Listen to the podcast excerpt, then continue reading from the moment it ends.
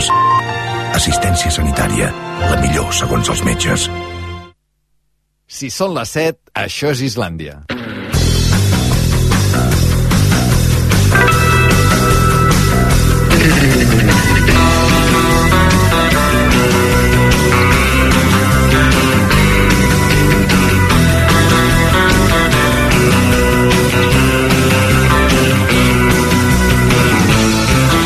A RAC1 Islàndia, amb Albert Ong.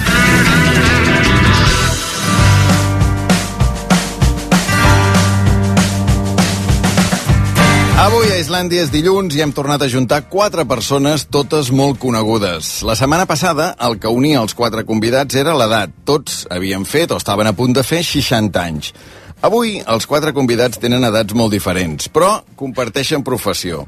Tots són escriptors i escriptors molt coneguts. És una bona professió? Tenen horaris, els escriptors? A partir de quin llibre ja et consideres a tu mateix escriptor? Quants en poden viure dels llibres que publiquen? On escriuen? Com escriuen? En silenci, en música, vestits o en pijama? Us els presento.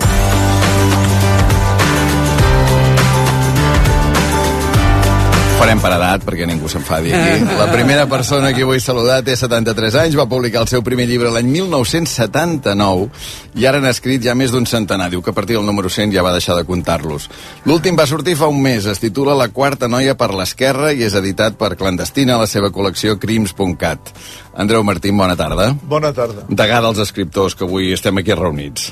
Bé, dels que estem aquí... Sí. Dels que estem aquí, sí, dels que estem aquí. La segona té, mira, és del meu any, té 56 anys, va publicar el seu primer llibre l'any 1999, n'ha tret una dotzena, l'últim, l'any passat, Premi Ramon Llull, benvolguda, editat per Columna. Empar Moliner, bona tarda. Bona tarda. Escrius asseguda com seus sempre, o no? Asseguda com els indis. Com els indis, com els sí? indis, amb la, amb la cadira, cap amunt. Sí, sí, sí. sí I així sí, amb les cames creuades, eh? Estic, jo estic bé així, però jo diria que és una qüestió de gent que no és massa alta, per no dir baixa. Però també, eh? si tens ordinador davant, també ho pots fer així. Tinc l'ordinador, es- eh, llavors tinc, tinc la cadira, Sí. que es regula, llavors les cames van sota la taula i... Però creuades. Sí, llavors estic molt bé, així. Que Tota l'estona? No, vaig canviant, eh? Ah. Però, però est- estic molt bé així, sí. El tercer escriptor té 55 anys, va un any per sota nostre. El primer llibre que va publicar va ser el 1998, ara n'ha escrit 6, l'últim el 2018, tot Messi. Jordi Puntí, bona tarda. Bona tarda, què tal? Com estàs? Bé, bé. bé. Sí, sí. I la quarta persona que vull saludar té 47 anys, va publicar el seu primer llibre el 2016, ara n'ha escrit 3, l'últim, publicat aquest mes, novetat, Premi Sant Jordi de novel·la editat per Proa, es titula Les nostres mares. Gemma Ruiz, bona tarda. Bona tarda. Enhorabona pel premi. Moltes gràcies. Enhorabona. Escolta'm, eh, entre les moltes preguntes que us vull fer, comencem per una, perquè us veig a tots molt ben vestits, ara així. Eh, a l'hora d'escriure, eh, Jordi Puntí, per exemple, tu pots escriure en, en pijama? Eh, Sí, sí, sí. De fet, és una mica... Aquí te pillo, aquí te mato. M'aixeco, sí, m'aixeco si, eh, si es mors una mica i si tinc ganes ja m'hi poso. I si vaig en pijama, en pijama. Sí, això sí. A vegades em vesteixo, depèn una mica de, del dia. o sigui, no cal dutxar-te i vestir-te per posar-te no, a escriure. al contrari. Eh? O sigui, és que fins i tot... Bueno, és que ara que entraríem en, en La lletra intimitats que surt no. millor. El que no he fet mai... És, a veure, no he fet mai en pilotes. Això no ho sé, no sé si vosaltres heu escrit en pilotes. Una cosa no he fet mai, vestit No. No. o en pijama, sí. Però per- és veritat que a vegades, i això era més una època, ara potser no tant, m'havia de posar sabates. Això sí que t'ho dic. Si necessitava, podia anar en pijama, però amb sabates. Ah. No m'ho crec. De veritat, sí, sí, mira, era una cosa És com... allò que vas a comprar el pa i, i vas en pijama o acompanya la teva filla a l'estació, jo ho faig, i llavors et poses sabates perquè no es noti que vas en pijama. Exacte. I es nota I moltíssim. un abric llarg, I un abric llarg, sí, perquè no- sí, sí, sí. sí, Però clar, per casa sí, sí. l'habitual potser és al revés, no? Que tu pots anar eh, vestit de Sí, carrer, mira. però vas amb les sabatilles i llavors un cop surts, sabates. Sí, però era... Ja et dic, ara potser això ha canviat una mica, no hi penso tant, però hi havia una època que era com dir, no, no, és que a més, fins i tot eren unes sabates determinades que deies, és que m'he de posar aquestes Les sabates. sabates Que- d'escriure. Clar, Sí, no, perdona, sí. és que hi ha gent que diu que escriu amb les mans, s'escriu amb els peus, també, per tant... Home, En part, en part, home. sí. tu. En, en part sí. també. Uh, Gemma Ruiz, tu com... No, home, no, jo en pijama, o sigui, Jordi, em trobo fatal. Però, o sigui, t'has de vestir, t'has de dutxar jo o no? Sí, jo em llevo, ja amb el, engego el motor, em dutxo, eh, o sigui, que si hagués de sortir corrent, pogués estar ben presentable. O sigui, no com per anar a la feina, em poso roba còmoda, però em dutxo, em pentino, mm, el rímel, fins i Hola! tot... Sí, sí, sí, sí, sí. Eh, eh, sí, sí, cert, jo, sí, les pestanyes sempre me les haig de, de pentinar, jo sí, és així. I, I llavors, no, jo més aviat bambes o sabatilles, però, però una roba d'estar per casa, bé, allò que que estigui com amb xip de treballar. En plan pòtol no puc escriure jo. Empar? Gràcies, gràcies per dir No, perdona, jo, Pot, pòtol místic, eh, per això. Però, però, però, pòtol amb sabates és molt diferent. Empar Moliner. Jo faig una cosa que eh, vaig a córrer primer. Llavors, com que vaig a córrer, estic obligada a ser dutxada. Però, però mm, jo, per exemple, a una cocteleria que és, o a un bar de vins, no entraria sense talons, eh, perquè eh, la litúrgia m'agrada. Llavors, a, a, escrivint, la litúrgia també m'agrada. Ma- ma- M'agrada vestir-me, vull dir, sí. Val, però no talons. No, per- perquè una, una cocteleria trobaria bé anar amb talons, entrar en talons, eh? De vegades eh, me les he portat a la bossa i, i ho he fet. Però mm, sí que m'agrada estar vestida. Però és veritat que de vegades és estiu, no tens aire condicionat, estàs allà amb l'ordinador i també estàs allà amb, amb, amb calces i sostens, de que és que és veritat, és veritat. Andreu Martín, m'ha semblat que quan eh, el Jordi Puntí ha preguntat eh, si algú escrivia en pilotes, l'Empar... Ni, ningú ha dit res, excepte... O sigui, tu no has dit res, tothom, no ha has dit dit, res. tothom ha dit que no, menys l'Andreu Martín. Tu has escrit algun llibre en pilotes? No, un llibre sencer segur que no. Ah! alguna, alguna Llavors, pàgina, algun capítol. pàgina, no, no diria que no, Ah! perquè he escrit de totes les maneres. Però, eh, i jo em vaig educar, vull dir, que va haver un moment en què jo em vaig forçar a prendre a l'esmorzar al bar de baix de casa Ah, això és tan bonic. per vestir-me. Perquè si no, no em vestia. Per obligar-t'hi. Això és bonic, és bonic.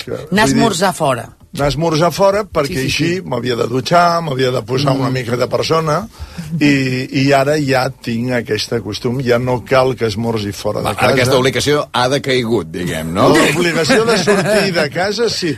La de vestir-me i dutxar-me prèviament, no. Vull dir, eh, eh, ja, ara ja ho faig. Val, per tant, eh, primera cosa, indumentària resolta. Anem a veure amb quines condicions escriviu, si necessiteu molt silenci, música, absència total de persones amb les que conviviu. Et miro tu, Gemma, que crec que ets la més metòdica, Sí. i vull dir, la teva parella deu tenir ordres estrictes que quan tu escrius...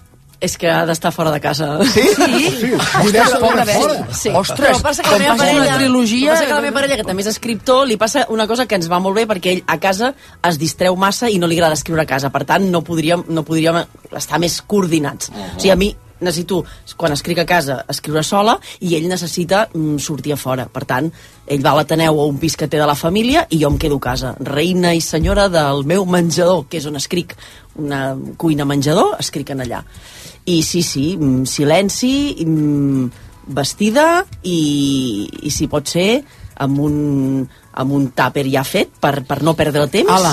i, i amb, allò embotir-me del que sigui, una crema de verdures per no, i no sortir d'allà durant 6 o 7 hores. Clar, dels, dels quatre escriptors que tenim avui aquí, que jo sàpiga, dos tenen parella, que són escriptors, també un és la Gemma Ruiz, l'altre és el Jordi Puntí, l'Estefani també, l'Estefani Kremser també és escriptora.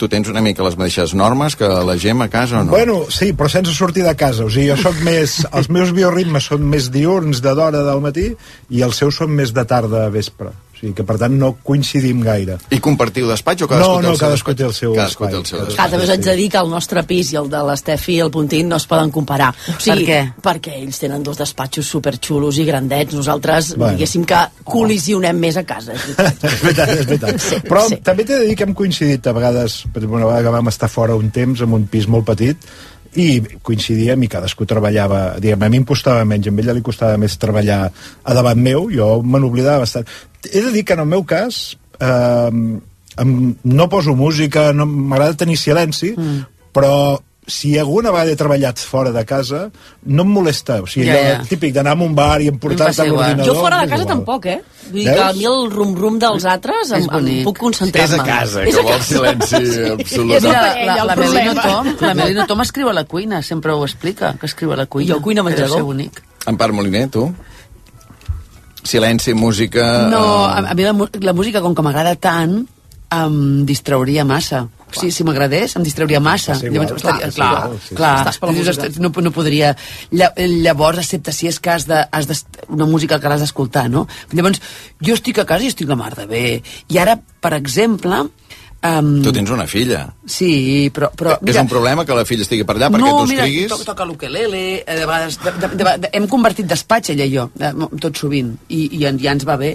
I ara, que anirem a viure a una masia, eh, al meu despatx, si en podem dir despatx, a la masia hi ha una porquera, que és, és un espai que és molt estret, molt baixet, perquè el porc, clar, no era, no era massa alt, però jo tampoc. I, i serà, la porquera serà el meu estudi, que em sembla extraordinàriament bonic. Un- Una, una, una, una porquera amb volta catalana. Estaré allà veiem Montserrat allà a la porquera. Però um, nosaltres no, no, ens, no ens destorbem. Jo sí que és veritat que trobo que és bonic tenir despatx per tu, amb els teus llibres, les teves merdes, els teus, les teves suros... Eh, tot això són rituals que ens fem. I jo ara penso que potser qui estigui escoltant dirà que pelmes, no, aquests aquí explicant... eh?" No, Home, si eres xafardaneta, clar, eh? jo- jo crec que, que, que, que pesats, no? Eh?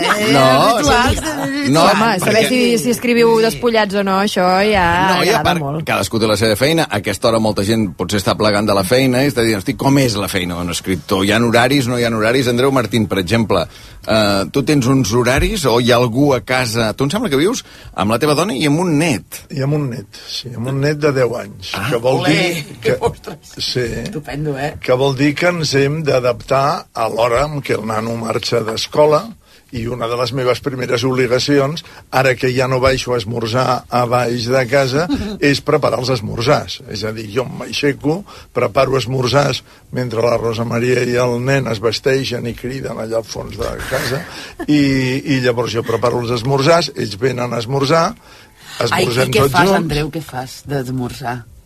Doncs, bueno, pel, pel cadascú el seu. Jo, el, el, el Raül té els seus, la llet amb crispis, amb uns Ah, crispis ja. de xocolata que li agraden molt, la Rosa Maria pren un cafè amb llet i el seu, una torrada, i jo una mica més aparatós. Però estic de dieta, últimament. Això vol dir que quan se'n va el nano... Tu tens uns horaris fixos? És a dir, un escriptor té uns horaris per escriure o no? I jo tinc una mica d'horari fixe, però primer de que... És a dir, jo treballo pel matí i part de la tarda. Part de la tarda entre la migdiada i la tornada del col·le del Raül. D'acord. Eh? Llavors, eh, per la tarda és una cosa més precària. Bueno, li posem que vagi al futbol i que vagi a fer coses Alguna- Extraescolars. Extraescolars, perquè exacte. així sí. allargo la meva, la, les meves hores de feina. I pel matí, doncs sí, dedico els matins a treballar, passa que prèviament em dedico a coses de la casa, per Mhm. deixar la casa. L'altre dia el, el Ferran Torrent, en part, m'explicava que, que ell escriu a mà tot el llibre i després Sí. el pica a ordinador. Tu? és que, sí, sí, és que sempre, al Torrent sempre li dic, li dic, tu, um, jo crec que el Torrent fa unes primeres versions molt bones. Hi ha, hi ha autors que millor no, no, no trobeu? Que hi ha, hi, ha, hi ha- algú que tu dius, tu fas una primera versió, però has de retocar, repassar, no sé què. I hi ha gent que, que orgànicament li surt molt bona la primera versió ja, i la retoca molt poc. I el Torrent és d'aquests. Home, I- sí, sí, i- però escriu primer a mà. Sí, jo crec que escriure a mà et dona un altre temps, no? A mi m'agrada molt escriure a màquina, per exemple, m'agrada molt, trobo que és un... Amb màquina d'escriure? No, no, perdó, vull Ah, dir ordinador. ah. Trobo, trobo que quan van sortir els ordinadors, que nosaltres, clar, vam publicar el 98, 99, no? Que es, es comptaven, Ah, sí, sí. els personatges comptaven en pessetes. que això hem, hem de pensar, quan, quan fas reedicions has de pensar què has de fer, no? Amb això, no? Però, mm, ostres, jo me'n recordo que els primers ordinadors, que podies canviar-li un nom a un personatge, podies, podies fer de tot molt fàcilment, no? Jo em vaig entusiasmar amb allò, i m'agrada, però també escric en els bars, Mhm. de vegades. Algú d'aquí escriu a mà abans de l'ordinador, Jordi Puntí? No, per jo exemple? no. No, eh? Jo no. Tot- Algun tot article ordinador. sí, els articles sí, que, Tot, que tot, són més tot de... màquina, ni, ni, ni notes, però no, notes... No, notes, sí, bueno, la, la típica llibreteta o... Mm. Però llibreta, no notes de mòbil, eh? No, no, No, no. no, no. Ah, no, no, no jo em llibreta, sembla que ja he llibreta. I perdut tu? l'escriure a mà. Jo totes les notes que em faig és amb, amb el dit al mòbil o amb ordinador. o Ah, sigui, jo jo crec no que ja no sé escriure Ah, a mà. doncs jo a mà sí, eh? I tu, i tu Andreu? Jo escric a mà, sí. Jo escric a mà, però no, no entenc això de tota la primera versió a mà, eh, fa el torrent, jo no, jo vaig escrivint a mà, i, però escric, clar. el que m'afavoreix escriure a mà és que escric d'una manera molt desendreçada i, i molt el que em dóna la gana. El que m'agrada de l'ordinador és que m'ajuda, justament com el nom indica, a ordenar. a ordenar tot aquell caos que ha sigut la primera escriptura a mà.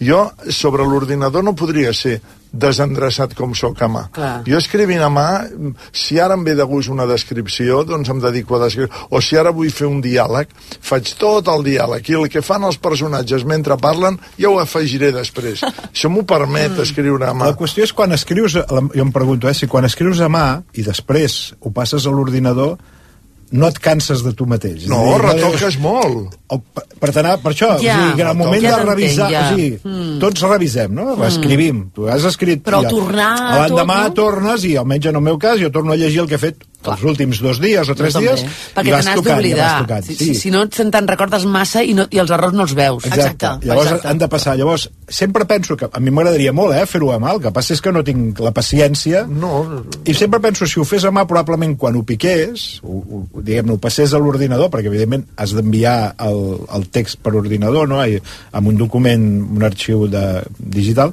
aleshores probablement me n'adonaria més del que no m'agrada. Clar, i llavors ho corregeix. Ho corregiria. És que ara, per exemple, les correccions, no? Tal com quan vam començar a escriure nosaltres, i, de, i ara les correccions és bestial. Tu tens un document compartit amb el- amb l'editor i, i, i vas parlant. Això què? Això no. Això sí, això no. Deixa'm això, cursiva. És meravellós. Clar, això és molt fort era. perquè jo amb això Clar. soc com... Això jo sí que semblo d'un altre segle. O sigui, jo demano, si plau que les correccions me les enviïn en paper. També, tam- Ja també sé, Adriana Plujar, des d'aquí una abraçada Però i la perquè, primera- però la perquè, primera- pobra, perquè jo si no, no no ho sé detectar bé i sempre em fa molta por no veure el que m'estan dient, saps? A veure, amb la Gemma Ruiz, amb el Jordi Puntí, l'Empar Moliner i l'Andreu Martín, quatre escriptors parlant de, de com escriuen, en quines condicions, parlant del fet de ser escriptor. Una pregunta que no sé si és fàcil o difícil de contestar en funció també, sempre és en comparació aquí, no? Diríeu que sou ràpids o que sou lents escrivint? Jo lentíssima. Sí. Sí. Sí, li dono 200.000 voltes, 200.000 voltes, i, i, i llavors, i, i quantes versions, no? De, primera persona, tercera persona, segona persona, no sé què, ara això, ara aquí, ara allà, o sigui, tots els documents, no, no l'esborrem per si de cas, no sé què, no, no, Lent, algú es considera ràpid? Jo crec- Aquí. Eh, Andreu Martín, sí? ràpid, ja, Torrent ràpid, també és ràpid, escrit és que Torrent... Per exemple, a, aquest llibre, sí. uh, La quarta noia per l'esquerra, d'Andreu Martín, que acaba de publicar, que deu tenir cap a 400 pàgines. Sí, tenia moltes més i em van, vam haver de retallar. Quan, quan pots Un haver any, tardat? un Un any. Un any. De fet, tinc el compromís amb la meva editorial de publicar un llibre a l'any. Clar, un Per any... una data bastant precisa. I... Els escriptors, una cosa que no sé si saben els lectors, eh, és que cobreu un 10%, amb- per norma general, mm. un 10% del preu de cada llibre que es ven. Sí. Aquest Sí. llibre, no sé, Misèria, suposem que... És el que anava a dir, suposem que aquest llibre es ven a 20 euros, eh? Preu 22, 18, Sí, és el, 19... el preu normal deu 20 ser euros. 18, 20. Vol Dos per dir, vol dir que guanyeu 2 euros per cada llibre que veneu. És, Espera, és- espera, espera, dos eh, euros i has de descomptar els impostos Sí, sí, sí. i has de descomptar, si tens un agent literari, el 15%, que se te'l queda I, l'agent i, literari. I pensant una cosa, que l'edició ara no és el mateix esforç que l'era Gutenberg una mica. Va, va, va més Clar. rapidet tot, eh? O sigui, no, no és el mateix. No, no. Llavors, ostres, un 10%. Un 10%. Tot i així, passa una cosa, i és que eh, els llibres, si tu poses a, li preguntes a la gent que compra llibres habitualment, els llibres són cars. És a dir, mm, un llibre, aquest llibre de l'Andreu, eh, entre 18 i 22, no? Un llibre gruixut, 18-22. Quantes hores de plaer et donarà això? Com a molt, Clar. 10. Per tant, el cap de setmana que ve en necessitaràs un altre. Compara-ho, per exemple, amb un joc, amb un joc de play. Mm, et costarà 80 euros, però et donarà 100 hores de play i podràs tornar a començar. O una plataforma. Una altra cosa és que tu diguis que et dona Netflix, que et dona un joc de play i, i que et dona de veritat aquesta flipada que és un llibre, no? Aquesta flipada. Però tot i així, hem de dir molt, hosti, aneu a les llibreries perquè si els llibreters pleguen, és, o sigui, no compreu per Amazon, de veritat. Clar, però Sisplau, no compreu. Ara, una escriptora, l'Empar Moliner, parlant dels llibreters, però des de fora també penses, a veure, en tot el procés de l'edició d'un llibre, de la distribució, de la venda del llibre, eh, qui menys s'emporta d'aquest pastís sou Però vosaltres. això és com els pagesos que fan els préssecs. Sí, això, és, sí. això és el carràs. Vull dir, vull dir que, que si penses en els pagesos ho tenen igual de Clar, fruit. ja- Els middlemans, els, els intermediaris, són els que fan el negoci en pràcticament tots els, eh, Bueno, és totes les Hi ha molta no? gent que treballa, Sí, eh, amb sí. això, però, però, però tu, tu, tu dius ara, Jordi, distribuïdors. Bueno, els distribuïdors, sí. els agents comercials de per exemple, distribuïdors, el, el, el Stephen King, que deu ser un dels autors més venuts del món, va intentar fer la seva editorial.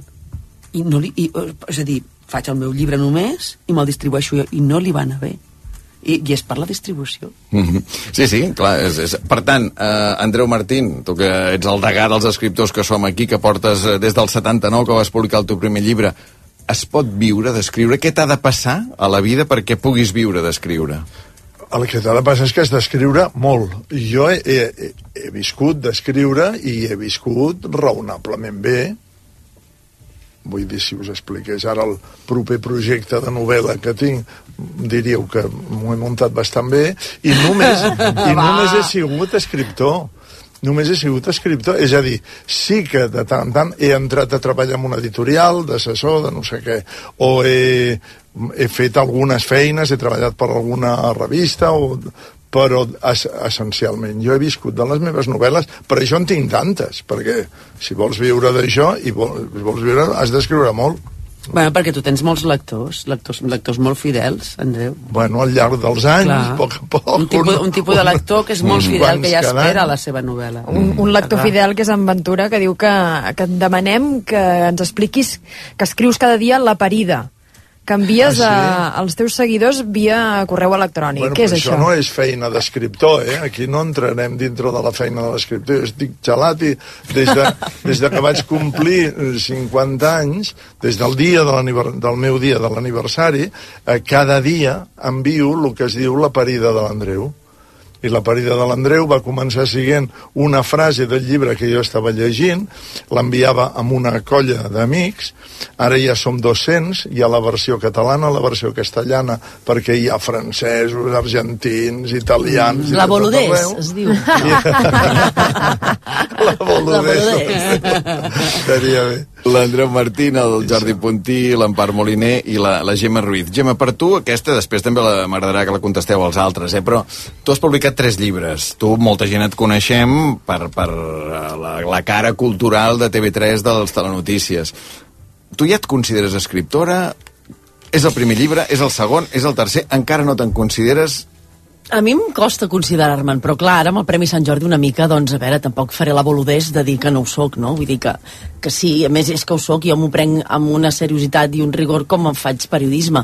Però sí que sempre m'ha costat, però mm, m'ha costat sempre per aquesta mena de, de sensació de deslleialtat amb, amb, amb la meva professió inicial i la meva vocació de tota la vida que ha estat el periodisme. És com, eh, que sóc que, que escric, però eh, que continuus aquí a tope, periodisme, a la tele, a la redacció. Saps aquesta mena com de conflicte emocional entre dues parts teves? A mi m'ha passat una mica això. I que escriptor potser és una paraula molt gran, Jordi. En tu què et va passar, diguem, eh, quan publiques el teu primer llibre? Bueno, és aquell moment quan et, has d'omplir algun formulari no? i et diuen professió i dius, hòstia, ara què? I dius escriptor I qui- i la gent et mira bueno, la gent el qui sigui no, no, escriptor i, i, quin, i si dius con, escric contes llavors ja es pensen contes infantils, infantils, no? clar, clar.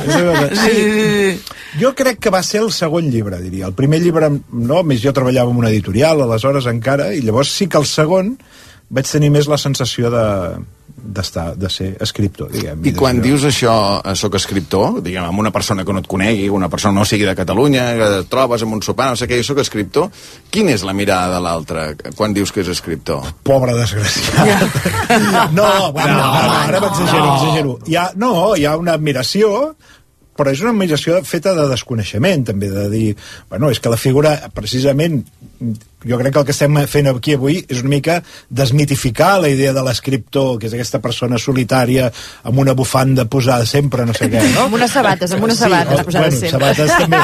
Vull dir que és, és una, en el fons, mira, abans l'Andreu ha fet servir un, un verb que a mi em costa, que és treballar.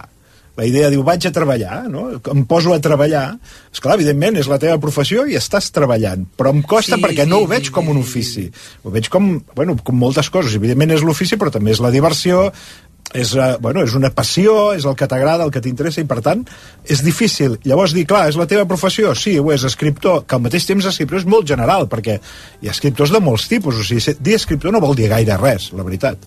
O sigui, pots, estar, pots ser un publicista que fa els textos d'una revista del RAC, per entendre'ns, i ets un escriptor, també. Sí, no? sí, O sí, sigui sí. ha... I els americans no, canvi, no, no, no distingeixen entre escriptor, guionista, periodista, diuen escriptor. És author, això no? és Sempre. Una de les obsessions del Monzó, també. Exacte. Periodista i escriptor. Quan algú signa periodista i escriptor, no, Sí, escolta'm, sí, Com ets no? periodista, És ja com atleta i esportista. Clar, No? fas, fas servir diferents um, um, tècniques per, per fer l'hamburguesa o per fer, o per fer el, el, el suquet de peix, no? Tu quan dius que ets escriptora, què, què veus en els ulls dels que altres? el- és, és això, el, això que diu el Jordi, no? Treballar costa. Jo tinc una amiga que és estaticient i sempre em diu és que nosaltres juguem. És com, és com jugar.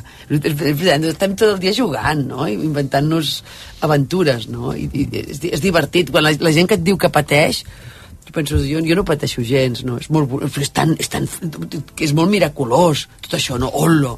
Algú, No pateixes escrivint.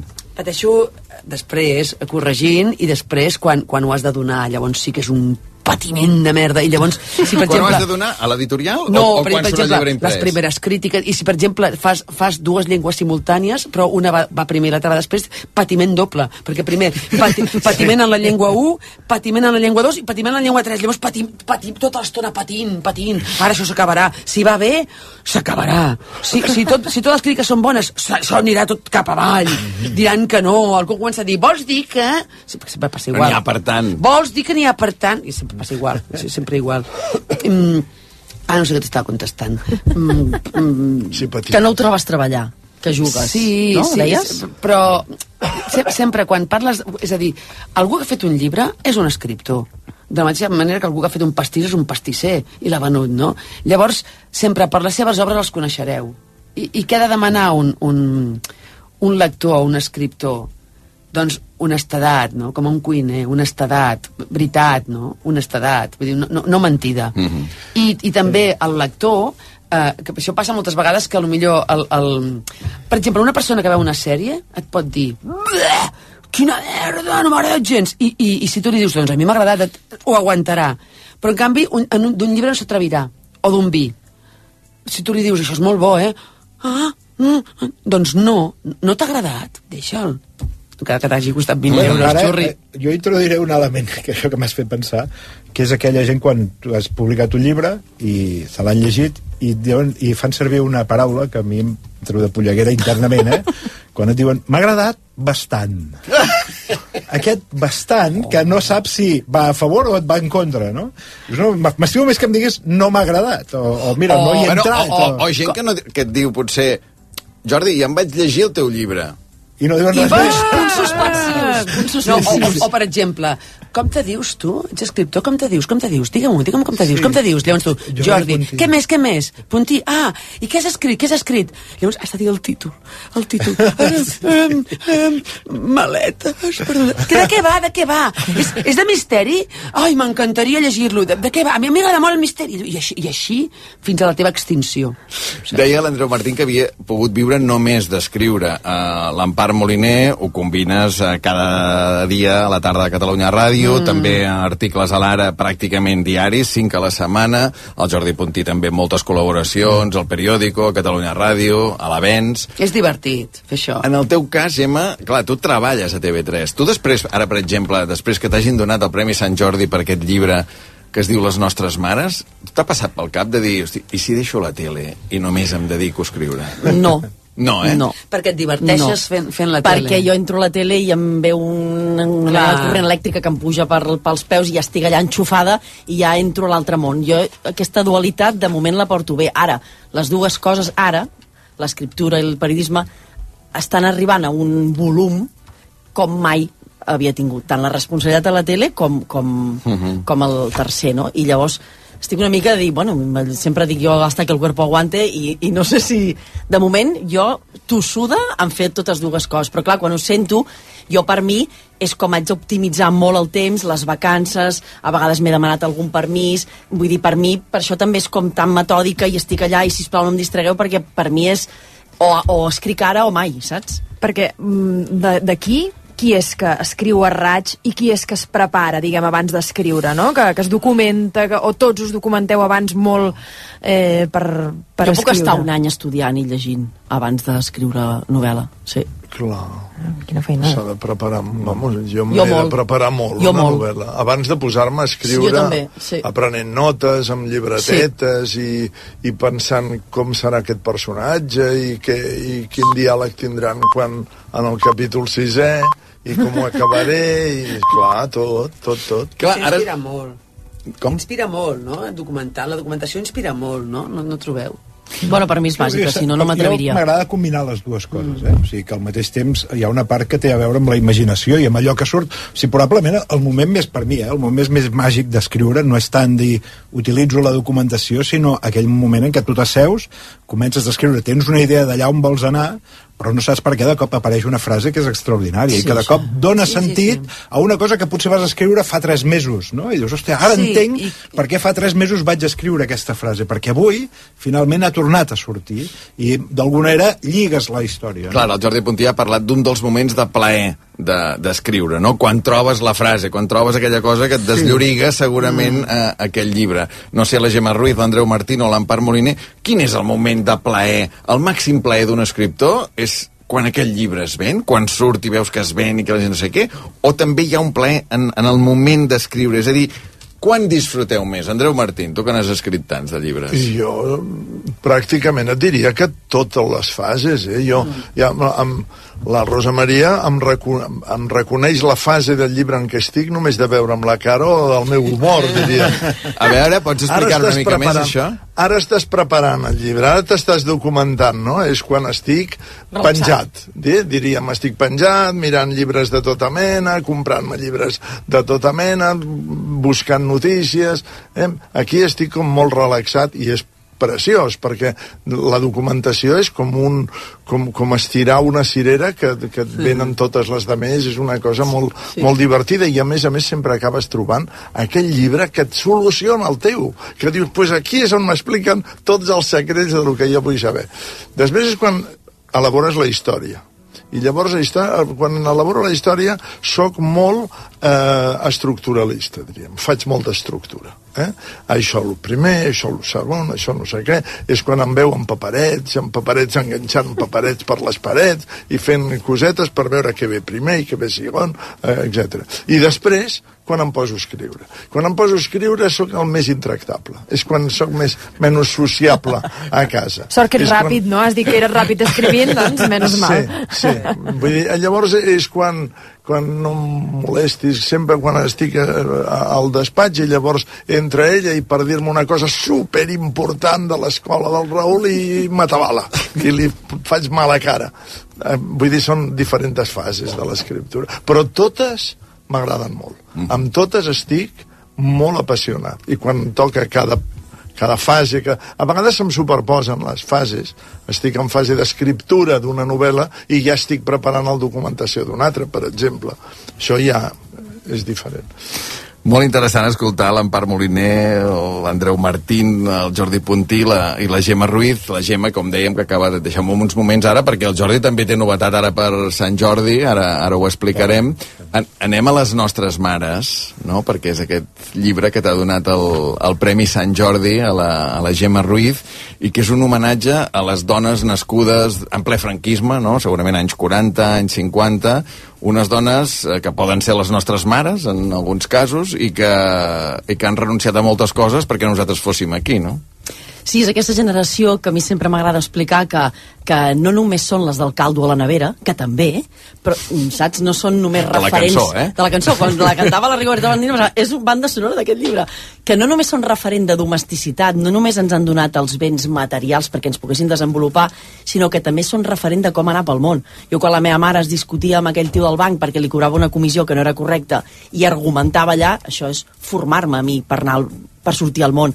Quan es barallava amb aquest, no només es barallava eh, la meva mare pels mons, uh -huh. però sí que bastant havia de, de treure les urpes, no? Això és referent de, de l'exterior, també, no? I en canvi jo a l'exterior i totes les meves amigues i amics ens hem projectat molt més en els pares. Era el nostre referent de vida per la professió que anava fora, aquell referent prestigiat, no? Que és el que hi ha a l'exterior. I després te n'adones i dius, bueno, ja, és que jo sempre he pensat que era calcada del meu pare, però és que aquestes maneres de fer, a mi me les va ensenyar la meva mare a anar pel món, no? I això a vegades, mm, saber qui és el teu referent és important per valorar-les. I era una mica un, un, un panorama de moltes que fossin diferents, perquè és la màxima representativitat, però també homenatjar-les. I sobretot també perquè m'he tirat molt de temps, i això segurament vosaltres també, als clubs de lectura, amb Argelagues i Calagonlí. I hi ha també, més homes que dones, totes no? són dones i totes són d'aquesta generació. totes són elles. I llavors pensava, ostres, elles que són superlectores, m'agradarà fer un llibre que elles siguin de protes. A veure, no són elles, però perquè són tot personatges inventats, però que s'hi puguin ident- identificar. A veure si me'l tiraran pel cap. Inventats però... en situacions molt reals, Sí, de viatges sí. a Londres per haver d'anar a avortar, Sí. molts casos soles, o dos artistes amb una parella i al final el que pot desenvolupar-se com a artista és l'home i no la dona, etc etc. moltes situacions aquí en aquest, les nostres mares. Deia Jordi Puntí que tenies novetat aquest any, que de fet és el Tot Messi que vas publicar sí, el és com 2018. 2.0, eh? És el novetat. Sí, sí. Però li han passat moltes coses Home, a és Messi. que, sí, clar, el 2018 vaig explicar la vida del Messi, més o menys, un retrat sentimental, diguem-ne, quan tot anava bé.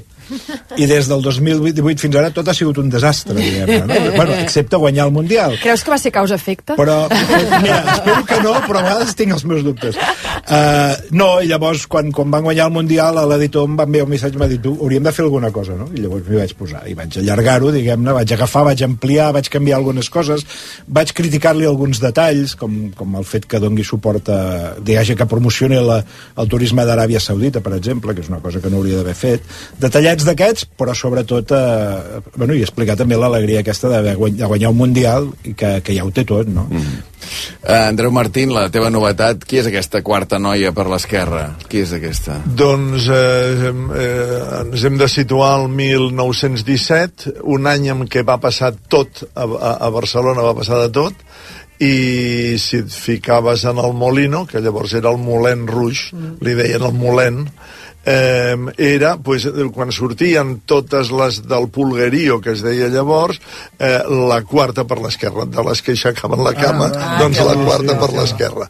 I és la referència que et porta un pobre nano que ve de fora de Barcelona amb una postaleta de propaganda on es veuen totes les noies i la quarta per l'esquerra està marcada amb llapis i ho havia fet el seu pare abans de suïcidar-se i té curiositat per saber qui coi és aquella quarta noia per l'esquerra.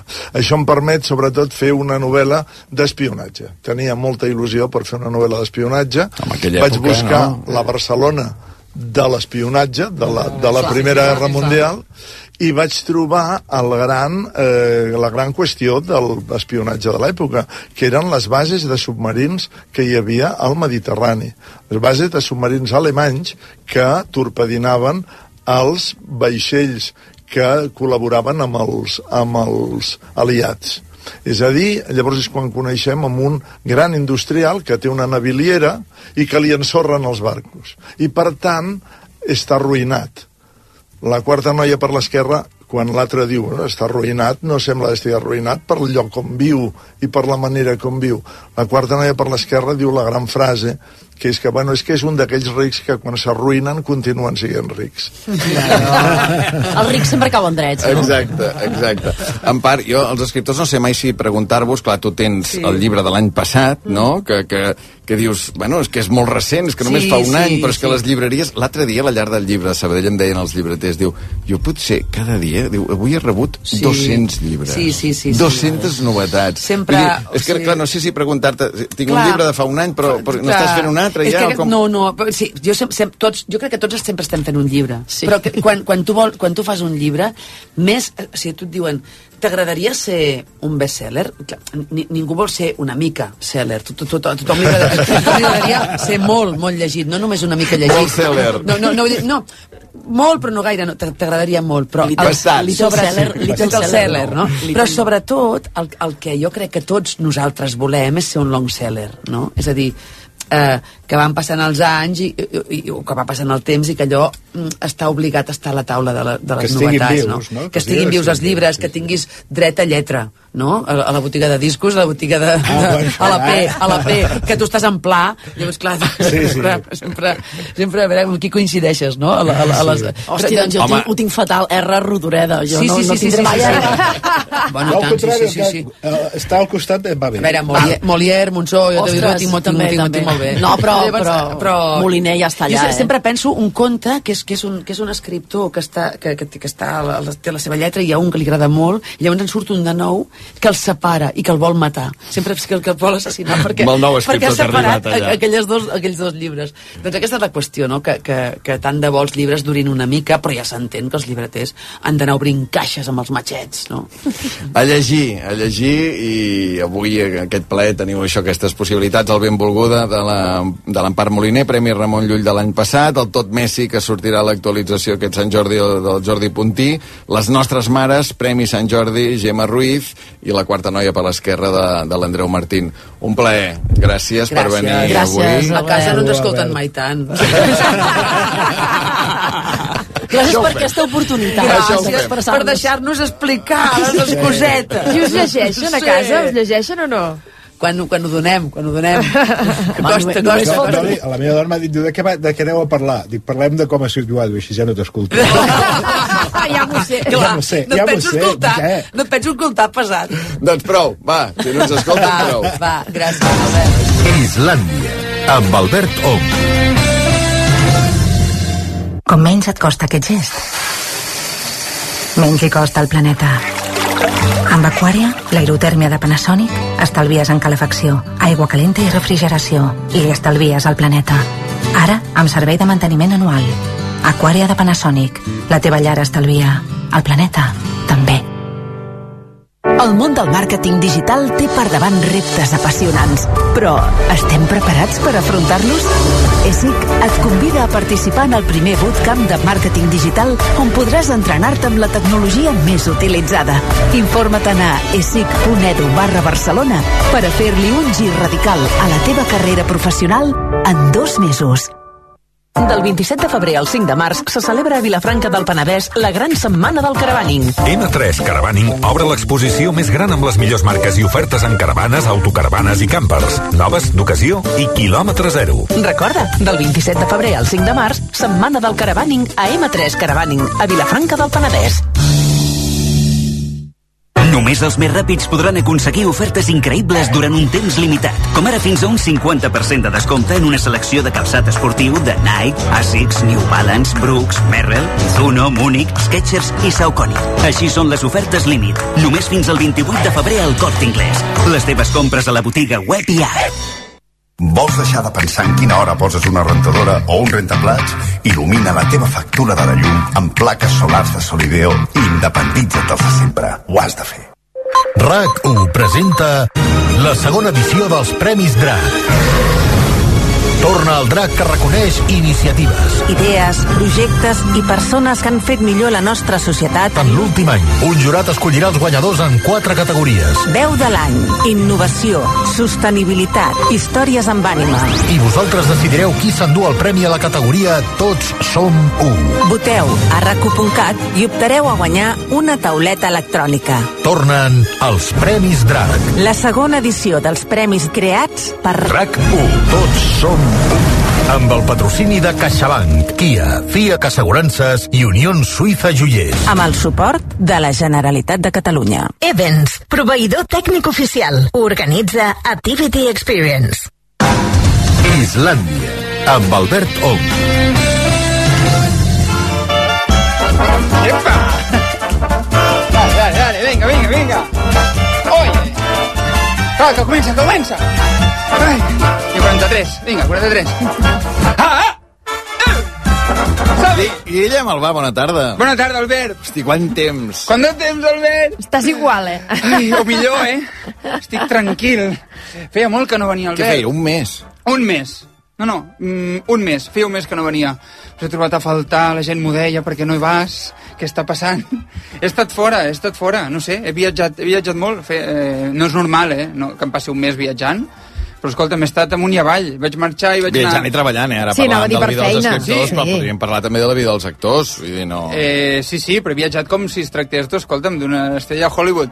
No, no, he estat a Buenos Aires, a Montevideo, Lima, ahir la nit estava a Lezo, Euskadi, Noain, Manresa, Alacant, tot això en un mes, així, amunt i avall, no ho sé. En un mes, tot això? Sí, sí, sí, sí, sí, sí, sí, Llatinoamèrica vaig tornar. Vaig arribar un dijous de Llatinoamèrica. Jo vaig estar a Lloret aquest mes. Si em dius què, què, què he fet No aquest he mes, he anat a Lloret. No hi he estat, no hi he estat a Lloret jo aquest mes. Doncs veus, Jo sempre Rubí, que jo coses Rubí. per fer. Oh, maco, Rubí. Escolta'm, però com que he estat tots aquests dies fora, he tingut temps per portar-vos un regal. Home, un regal pels oients. El vaig escriure des de Lima, exactament. Ukelele en mà.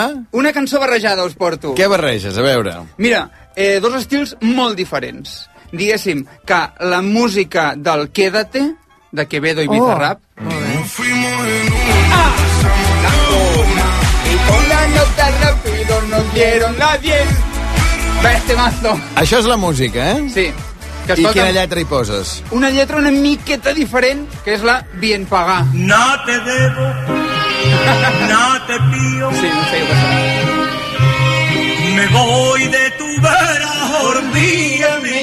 Perfecte. Anem a fer aquesta mescla, a veure què passa. Què La sembla? música del Quédate de Quevedo Sí, i la lletra de la Bien Paga, eh? Uh, Anem-ho a intentar, ja se Som. sap, cançó barrejada. Tres quarts de vuit, cançó barrejada. Guillem Alba. Ahí voy. Voy, ¿eh? Ahí va.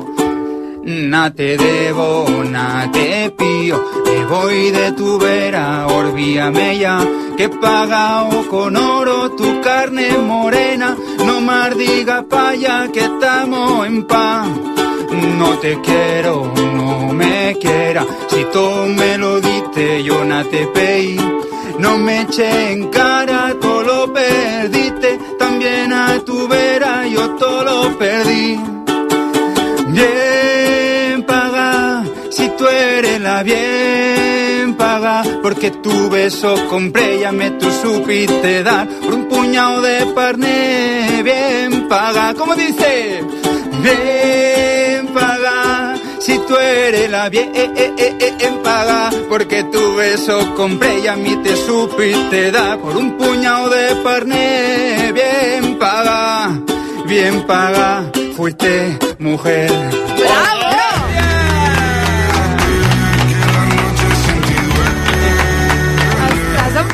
Forma, eh? Molt en forma has tornat, eh? Molt en forma. L'he anat practicant. Avui tornava d'Euskadi... Però, però, però, però molt ben interpretada. Els he dit, deixeu-me deixeu que us la, que la provi, que avui tinc ràdio, els he cantat els tècnics. per Quantes vegades els hi has cantat, pobres? No, els he fet tota la llibreta. Diu, quines més tens? Dic, "Ostres, m'han preguntat quantes n'he fet i no ho sé. Les hauria de comptar. Quantes cançons barrejades he fet, no sé. Bravo, bravo. Carai, Després carai. més cançons barrejades amb el Guillem Alba. Sí, després t'explico moltes coses també, moltes coses Va, que he fet ah. aquest mes, però Sí, una cosa només, eh? Perquè Sí.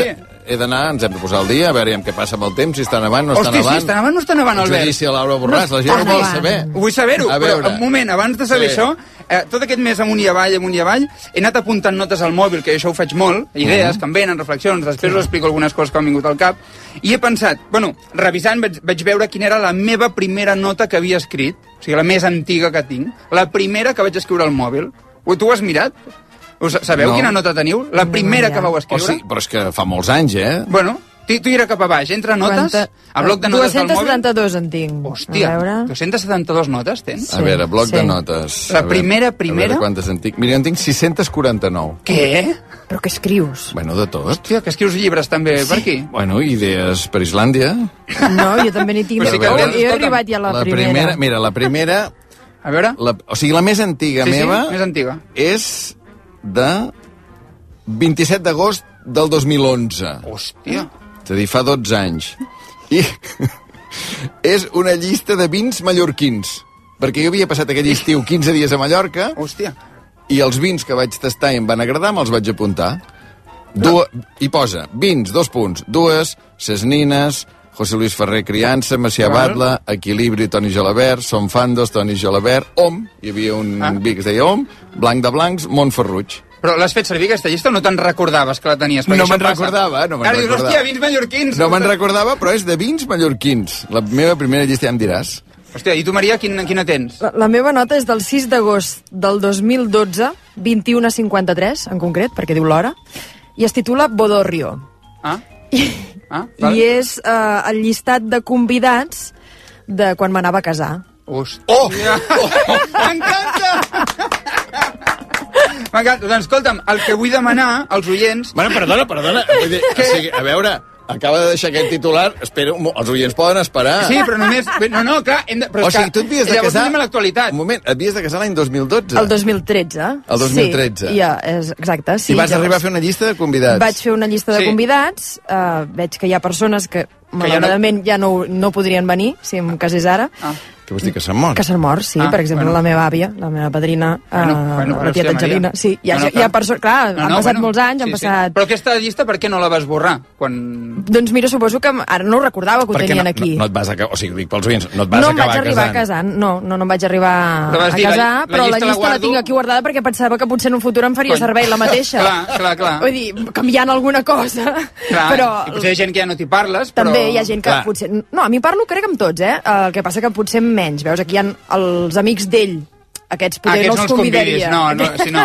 Si et cases amb un altre no convidaria. Clar, ara veig aquí el Roger Saperes, el Joan Torres, el Martí Oliveres, que estan fent el que suposo que demanaràs als oients, no? Correcte. Que és, que és mirar quina és la nota més antiga que tenen ells al, al mòbil, si també es havien de casar o no es havien de casar, o tenen vins mallorquins, o Correcte. què tenen. Què hi van escriure i tinc quan ho idees van... i tot de casament. Perdó, eh? és Quan que ho van m'estic- fer? M'estic al·lucinant amb aquesta nota. I tinc les idees de coses que pensava que podia fer en el casament. Per exemple? Per exemple, uh, tenir una Polaroid, que això ara tothom ho fa, però en aquell moment poder era més nou, saps? Recuperar una Polaroid i que la gent es pogués fer fotografies Què més, amb la què més, què més, aquest casament, com que ha sigut, a Mm, veure? pues, no sé, hi ha coses que no les entenc. Escriu una nota. Ah, suposo que fer escriure a la gent una nota.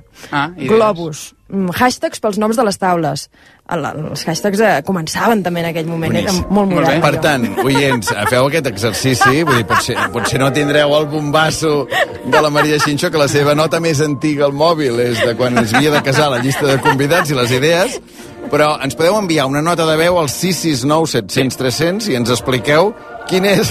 Ara estic suant. No, no, Ferrus, ho faré amb aquesta música, no pateixis.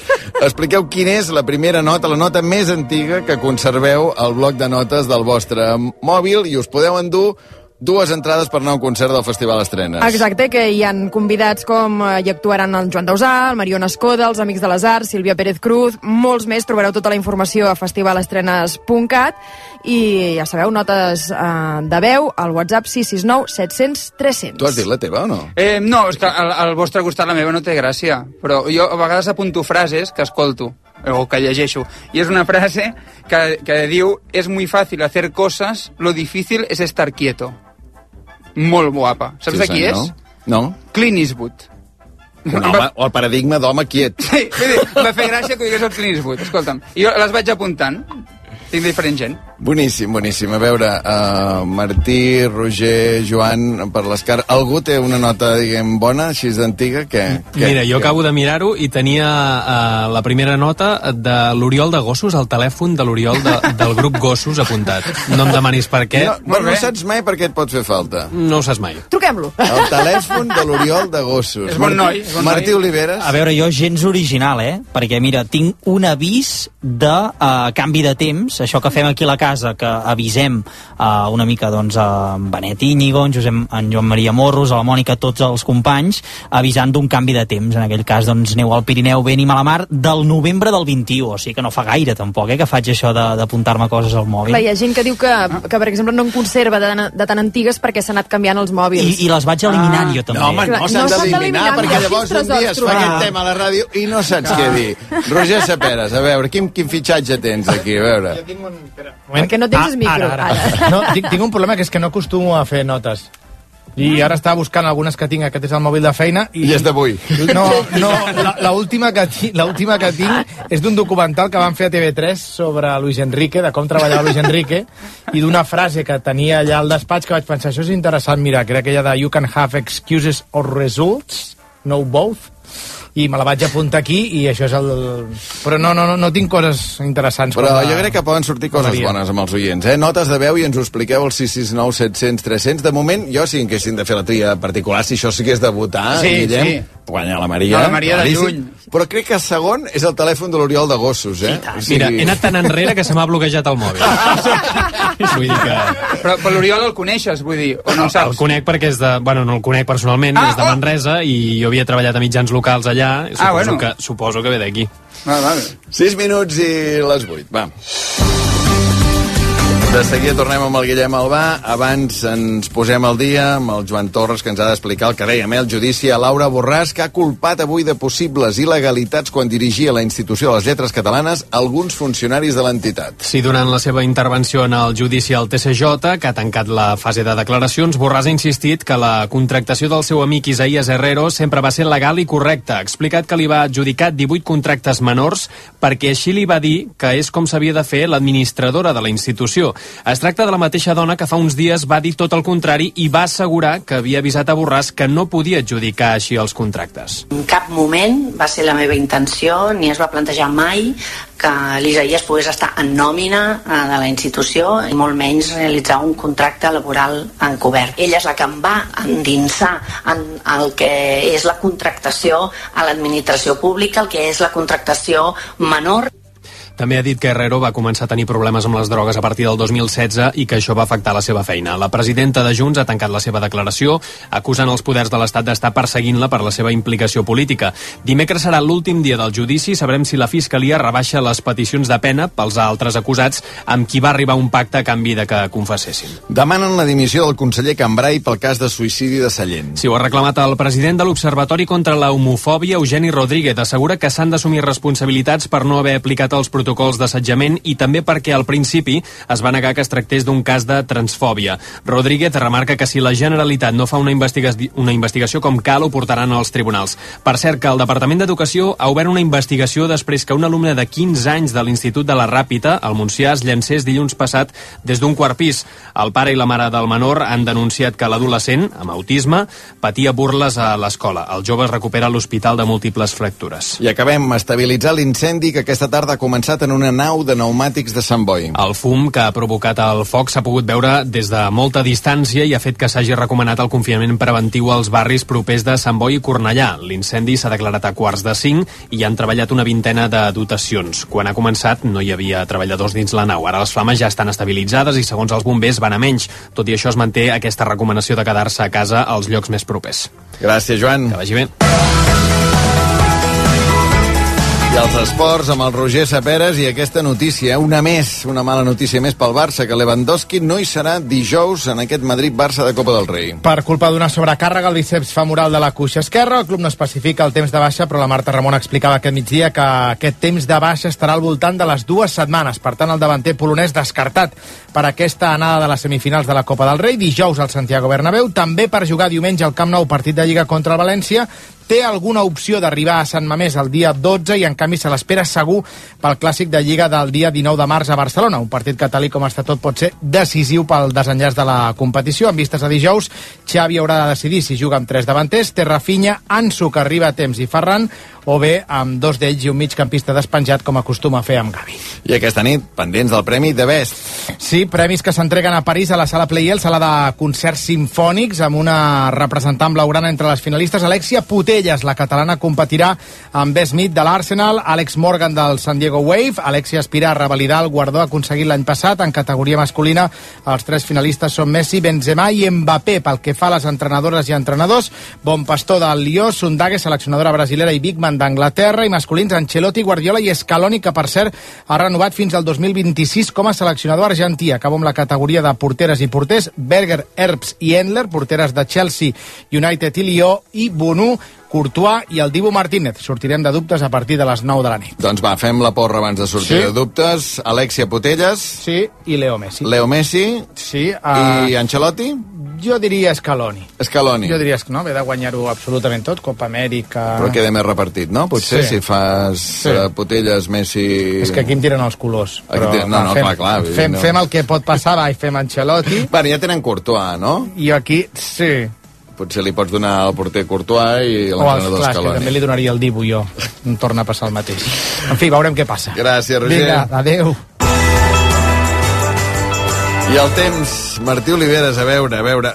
Ara mateix neva algun lloc? Sí, està nevant encara entre les muntanyes de la Noia, del Penedès, de l'Alt Camp, Baix Penedès, la zona del Montmell, la Llacuna, Serra d'Ancosa, són zones entre Barcelona i Tarragona, zones interior, ja per sobre d'aquests 300-400 metres. No parlem de neu a cota zero, a cotes ja una mica més altes, tot i que són cotes baixes encara, o sigui que precaució aquests pobles alts entre la Catalunya central, el Penedès, fins i tot el Camp de Tarragona, d'aquí una estona pot nevar cap a la Conca de Barberà, l'Alt Camp, precaució a partir d'aquests 300-400 metres. A cota zero, és a dir, a cota zero, diguem una mica més amunt. És a dir, Collserola, el que ha passat aquesta matinada, veus difícil que es repeteixi Correcte, nit, eh? ja no ho esperem. Si fa algun ruixat, ja molt testimonials. Fa una estona nevava, feia aigua neu a la ciutat de Terrassa. A Matadepera la nevada era més contundent, eh, muntanya amunt, cap a la zona del Coll d'Estanalles, a Montserrat, Sant Llorenç del Munilobac, també el Montseny ha nevat una mica, però ja molt més desfet. Tot plegat són les escorrialles d'una pertorbació que sí que afectarà de, de, de ple aquesta nit i demà la zona de Balears. Molta precaució a Mallorca, allà un temporal de pluja i neu que pot ser significatiu, amb vent, amb onatge molt marcat, però aquí ja més tranquil·litat. Demà més clariana, sense fer net, pot mm, repetir-se algun ruixat de neu, però ja pujant a 400, 600 i 800 metres. O sigui que el fred es queda, per tant aquesta imatge m'ha agradat molt, aquesta llar de foc que tenim aquí a l'estudi de, de rac que les calefaccions i, i les llars de foc doncs aniran en marxa encara uns quants dies més perquè el no sé fred què l'ha és, és engegat, eh? rigorós. Diguem, és, és una tele, us podeu imaginar una tele de 50-60 polzades, sí. que tot ella, eh, la imatge és una llar de foc. O sigui, no sé qui ho ha engegat, però bueno, ens acompanya aquesta tarda. Ja hi era a l'estona de la versió, per tant, el- entenc que... És que seu, el- això és seu. Sí, Que ja fa estona que crema, La llar. Algú l'ha encesa. Fa caliu, fa caliu. Reykjavik? Mira, Reykjavik ha estat plovent, ruixats eh, irregulars durant, durant el dia a la capital islandesa, entre 7 i 9 graus. Demà baixa la temperatura mínima a uns 2-3 graus, però la màxima encara al voltant de 7-8, núvols i ruixats. Gràcies, Martí. Que vagi bé.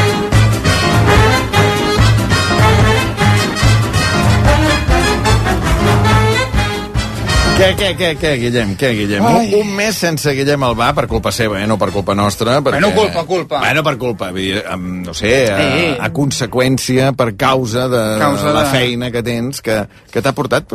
A veure, pots fer la llista de tot arreu on t'has actuat durant aquest mes? Hosti, mira, vaig començar just quan l'últim dia vaig venir, l'endemà vaig marxar a Buenos Aires. Després Montevideo, després Lima.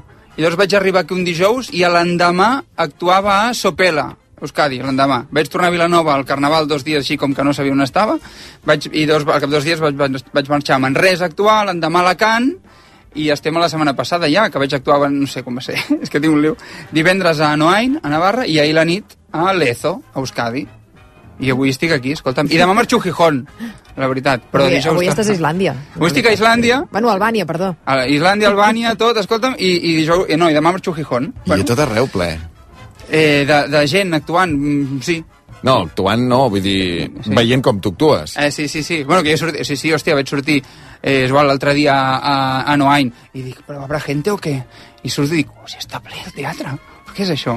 No, no, molt guai. I allà a Llatinoamèrica, que, hòstia, aquí vas mm, poc, diguéssim, no? Allà és com molt... I és molt bèstia. Al, a Buenos Aires mateix, la gent que va al teatre, i gent jove, que això és molt bèstia, eh? Que no estem acostumats aquí. Gent, molta gent No t'hi que va al teatre. quedis allà, eh? que ja, ja t'ho veig als ulls, eh? No t'hi quedis, que et volem per aquí, eh? És que, Albert, he fet tantes coses allà. Vull dir que a part d'actuar he viscut. Saps què vol dir això? He viscut tantes coses que inclús no he penjat a xarxes el que estava vivint. que això vol dir que dius, estic tan bé que per què ho he de penjar? Per què ho he d'explicar? saps? Però que eh, estava fent coses, fent coses de vida. Escolta, mira, estava fent un gelat allà amb samarreta Imperi per Buenos Aires, després vaig veure el Carnaval de Clar, que ja Montevideo. és estiu, no? És estiu, és estiu. Vaig veure el Carnaval de Montevideo, que és el carnaval més llarg del món. El més llarg. I després vaig veure el de Vilanova, al cap de, de tres dies. Que, bueno, és, és, també, també és molt mític. Llarg no és necessàriament un adjectiu eh, positiu, no? Un mes dura el Carnaval a Montevideo. Un mes! I jo li vaig preguntar, i cada nit fan coses, i dic, però teniu festa també? O sigui, teniu dies festius? Diu, no, no, dos dies festius. La gent està allà actuant. Mira, una de les coses que vaig veure són les murgues, que són molt conegudes a, a Montevideo, que es podria... Que és un bolet, no, això? Les... La murga. no, podria ser similar a que són les xirigotes de Càdiz, no? Uh -huh. Podria ser similar, que canten, no? És com un coro de gent, es fa crítica, eh, no? De política, crítica social i tal, però això ho vaig veure al Teatro de Verano, de Montevideo, que és un teatre, com podríem ser el grec de Barcelona, no? Però el doble de gran, 4.200 persones. 4.000 persones amb un ambient com de futbol, perquè ho entenguis, la gent cridant, eh, cantant, o sigui, un ambient com de increïble i uns allà cantant, o sigui, molt bèstia. De fet, us vaig a gravar, si voleu escoltar-ho, jo al mig de 4.000 persones, eh, a veure com se sent, i fent aquestes murgues que va ser super emocionant, escolteu. Diferentes en las calles de los barrios, la ciudad, porque nos que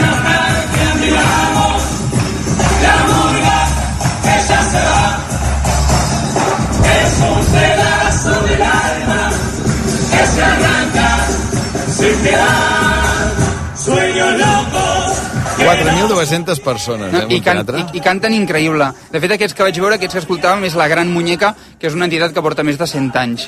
I va, o sigui, és super emocionant veure, eh, molt fort. Està allà al mig i, i tu eh, dius, bueno, jo no sé què faig aquí al mig, però és super, super, super bonic. Molt, molt, molt guai. A veure, uh, hem fet una crida. Sí. No? Hem fet una crida. La crida, les notes. 669 700 300. Tenim moltes notes de veu de gent que ens expliquen quina és l'última nota que guarden, o la més antiga que guarden en, en, el, en el bloc de notes o l'app de notes de, del mòbil. Uh, en sentim una? A Sí? A veure, a veure què diuen. Hola Islàndia, sóc la Montse de Sant Cugat del Vallès i m'heu fet mirar les notes que, que és bas- bastant curiós, que jo tampoc m'havia fixat mai. Bé, la meva, la primera nota és del 2018 Uau. i és una recepta bueno, una recepta, com, és com treure les taques de suor de les samarretes. Que fort. Vinga, una abraçada a tots. Però no ens l'ha dit? No, ens l'ha dit? Però, però el que no sé és Montse, sisplau, com es treuen les taques de suor de les samarretes? No Però- ens deixis així. I el que a mi em té encuriosit d'això, que, que avui descobrirem, que si ella recordava aquesta nota, vull dir, si sap treure les taques de suor, o avui ha dit, hòstia, sí, porto anys que no ho sabia i ho tenia aquí apuntat des del 2018. Que fort, eh? Una recepta per treure les taques de suor de les samarretes. Bé, anem fent llista. Això ens ho diu la Montse. Què més? Molt bones, Islàndia. Mira, la meva nota més antiga és del 6 de setembre del 2010. Ole. Allí vaig apuntar els preus d'uns vins eh, d'aquell moment. Bueno, Eh, soc vinater, eh, són els preus dels meus vins en aquell dia. Salutacions. Del 2010, eh? Aquest em guanya, eh? La meva era del És 2011. veritat, tu era la més antiga, no? Sí, sí, sí. sí, sí, és veritat. És ja no li veritat. serveix de res aquesta nota, no? És d'aquestes que dius, aquesta sí que ja no... Bueno, si no és per curiositat, diguéssim. Bueno, escolta, si mai ha de fer un llibre o vol fer un estudi de l'evolució dels preus De de, les ampolles de vi, de com doncs mira, les el seves 2010 tindrà allà el que valien aquelles ampolles al seu comerç. Hola, bona tarda. Uh, jo no tinc notes com a tal. Tinc un grup de WhatsApp que estic jo sol, que es diu Jo mateix, i amb aquest eh, grup, eh, grup únic m'envio notes. I la primera nota que tinc és del 2016, de la primera vegada que em vaig fer un WhatsApp a mi mateix uh, sobre frases que frases que deia ma mare. O sigui que... Ah, que bonic, no eh? són notes, però és un grup un grup que, eh, que estic jo solet. És bonica aquesta, eh? Conservar, diguem, la memòria de la mare a partir de la llengua, a partir de les frases, de les paraules que feia servir la seva mare. Que hi ha gent que fa això, eh? S'envia whatsapps a si mateix, Sí, sí, eh? sí, i per, per feina, eh? Això, això jo sé de gent que... Ah, tinc, tinc una nota, s'ho envia al WhatsApp i així se'n recorda. Dic, bueno, és el mateix que... Sí, és Eh, estrany. tenim, tenim la recepta per treure les taques de suor, eh? A veure. Perfecte, a veure, que, a veure. que l'ha enviat la, la Montse. Diu, mm, la, la nota diu així, treure taca suor. Una cucharadita de Fairy, cuatro cucharaditas de agua oxigenada, Ahà. dos cucharades, eh? atenció que aquí ha canviat, eh? fins ara eren cucharaditas, No, no. ara és dos cucharades de bicarbonato. Hòstia. I amb això, O sigui, a veure, diguem, ho pots tornar a dir? Eh, una cucharadita de Fairy, o sigui, és una- a dir, de, sí. de, sabó de rentaplats, Sí. quatre cucharadites d'aigua oxigenada Hòstia, has d'haver suat molt, eh, per fer aquesta barreja. i dues de bicarbonat. Hòstia, bueno, és per treure molta suor, no, realment? Tu fas aquest mejunje, entenc, i llavors ho poses... A... Clar, no sé si ho poses directament a la taca de suor Home. o al, al, Fairy, al, al detergent. aigua oxigenada i bicarbonat, eh? Jo sabia vodka, o així, no? Vodka? Això ho diuen, sí, això ho diuen les de vestuari, de teatre, no sé, jo ho conec per això. Que diuen, no, si fa pudor, fota-li vodka. Quina és la nota més antiga que guardeu al mòbil? Hola, Islàndia. Jo tinc dues notes que són les més antigues.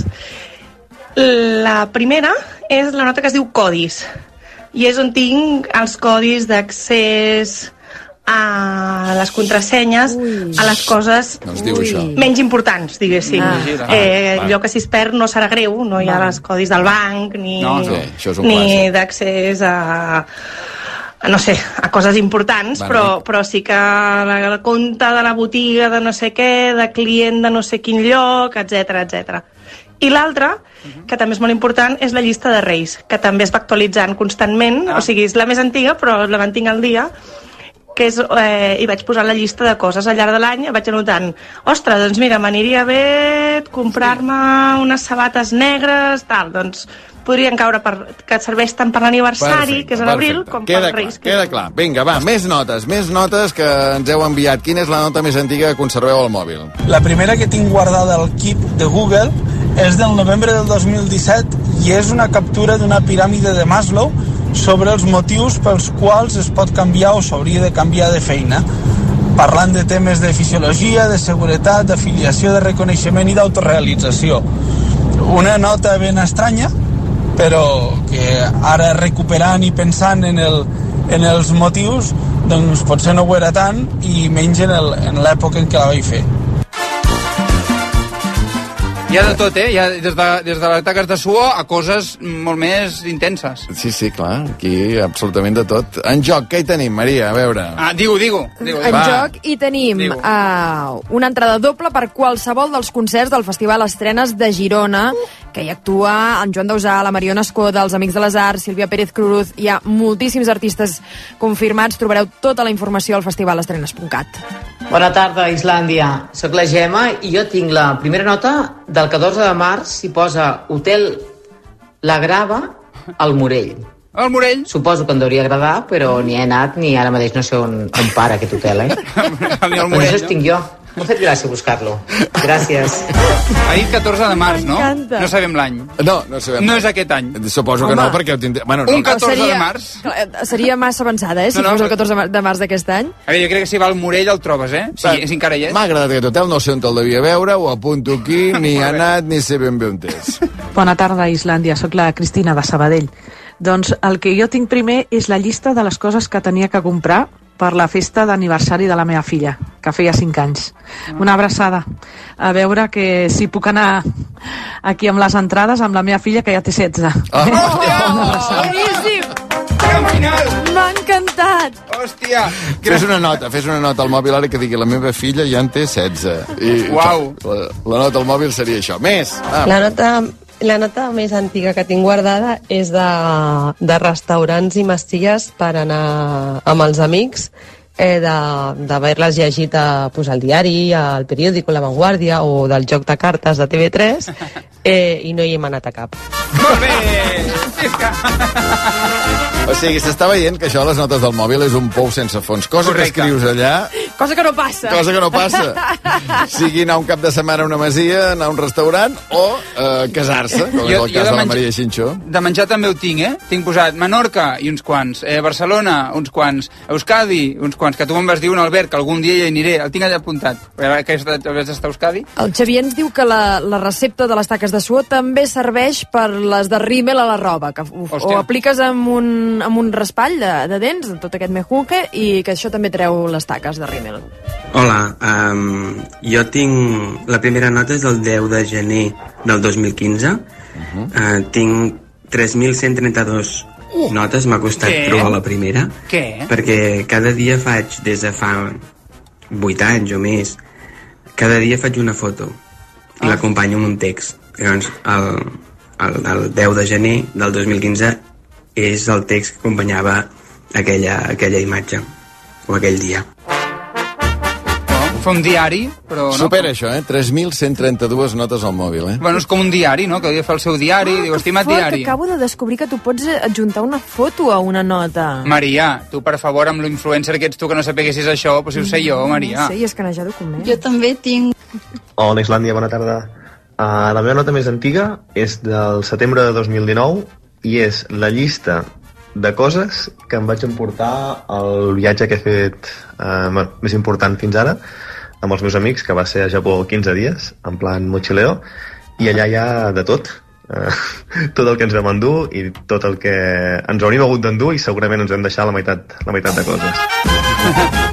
Una última, eh? No tindrem temps per més. Una última, i llavors entre aquestes triarem qui s'emporta aquestes entrades per anar al festival a les trenes. Hola, la meva primera, bueno, la primera nota és de l'1 de setembre del 2008 wow.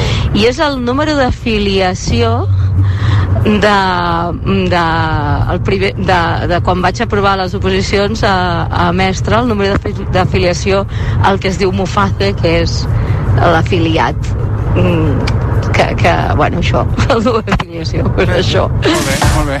El Muface. El, és el rei León, això. Sí, sí. Boníssim, boníssim. Avui fem-vos rescatar de l'arxiu la nota més antiga que teniu al, nou, al mòbil. Queda un minut per un quart de nou. Uh, tens l'ukelele, no? Per Sí, aquí? i, i vols alguna cançó més? Home, clar que En tinc una de nova, eh, Albert, Clar també. a veure, ja. O sigui, dues estrenes mundials avui. Bueno, és que a veure, si estic dies fora, doncs No. treballo, també. Què ens barrejaries, ara? Mira, et faria una barreja mm, bastant eh, extrema, diguéssim, bastant... Són extrems, eh, diguéssim.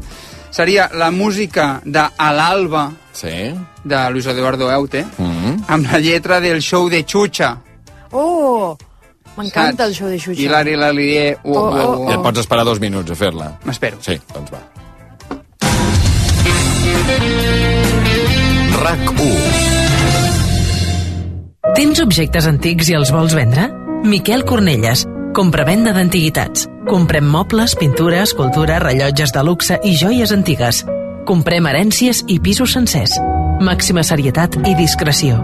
Miquel Cornelles, compravenda d'antiguitats. Telèfon 699 47 59 49. Un Henry Miller dirigit per David Selves? Tots eren fills meus. Una peça ambientada als anys 40 que tracta del poder dels joves en la construcció d'una societat justa. Amb Quim Ávila, Clàudia Benito, Jordi Bosch, Eduard Buch, Eduardo Lloberes, Francesc Marginet, Gemma Martínez, Clara de Ramon i Emma Vilarassau. Del 22 de febrer al 26 de març a Teatre Lliure de Montjuïc. Si tens un principi de vista cansada o cataractes, a l'Institut Oftalmològic Tres Torres et donem la solució amb l'última tecnologia, el làser Cataris. Ràpid, segur i còmode. No t'ho pensis més. Vine i demana la primera visita informativa. Truca al 900 842 848 o entra a iott.net. Coneixes la nova gamma electrificada de Nissan? Has sentit parlar de la nova tecnologia e-Power? No deixis escapar aquesta segona oportunitat i vine fins al 4 de març a provar un dels nostres nous models. Entraràs al sorteig per aconseguir un dels 50 forfets dobles que sortegem per passar un dia a la Molina. Consulta les condicions a la web dels concessionaris adherits. Nissan Romauto, Nissan Motor Llançà i Nissan Santi Enrique. Sheku Kane Mason al Palau de la Música. El famós violoncel·lista presenta un recital únic a Barcelona. Viu una experiència inoblidable amb aquesta jove estrella de la música admirada pel públic i la crítica. Només el 9 de març. Entrades a la venda a palaumusica.cat. Aviat faràs 10 anys. Què voldràs? Mm, si només puc treure una cosa, ho tinc clar. Això què més ho necessita? Està molt bé això que dius, però com ho penses fer? Molt fàcil, participant a la Magic Line, que aquest any en fa 10, com jo. I anirem, oi? A la Caminada Solidària de Sant Joan de Déu? I tant que sí. I podran venir els meus amics. A la Magic Line hi té lloc tothom. Inscriu-te a la Magic Line de Sant Joan de Déu i diumenge 26 de març camina per un món millor. Inscripcions a magiclinesjd.org. Pere Arquilloé i Carles Martínez protagonitzen L'adversari al Teatre Romea. Julio Manrique porta a escena la novel·la de Manuel Carrer, la història real de l'assassí que va construir la seva vida en base a la mentida. Quan va comprendre que estava a punt de ser descobert, es va estimar més matar els seus abans que enfrontar-se a les seves mirades. L'adversari, a partir de l'1 de març al Teatre Romea. Compra les teves entrades a teatreromea.cat i a promentrada.com.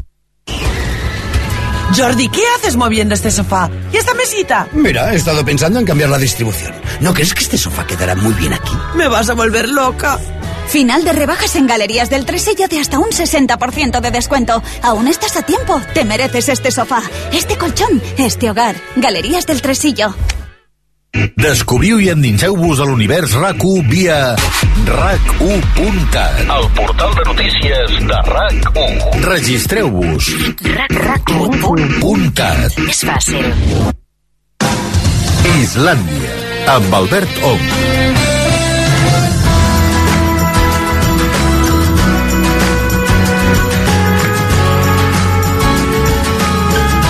De seguida el Guillem Albà i les seves cançons barrejades. Abans, escolta'm, ara els oients que dius, ja, ja ara, ara podem estar tranquils una estona, doncs no. Els t'hi tornem a demanar alguna coseta? Sí, Vinga. eh, és per demà. És, és una cosa de demà. Que resulta que l'Eva Catalán se'n va anar l'altre dia al Palau a Blaugrana Sí. a veure el Barça de bàsquet. I I va va veure passar? que allà, enmig del partit, una parella, un noi, però per la pantalla, allò gran, eh?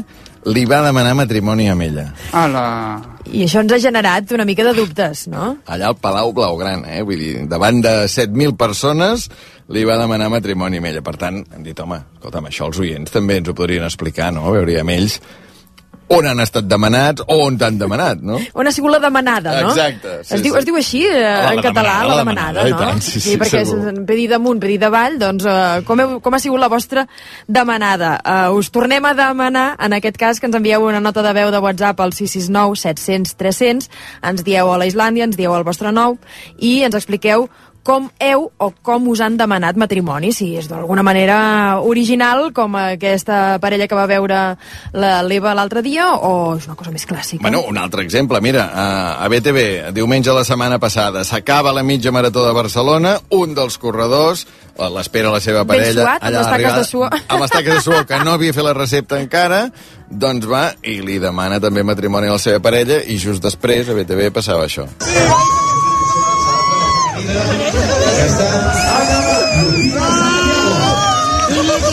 Pero a ver, ¿pero has dicho que sí o has dicho que no? Que sí, claro. ¿Y pero dónde está tu marido? Bueno, tu futuro marido.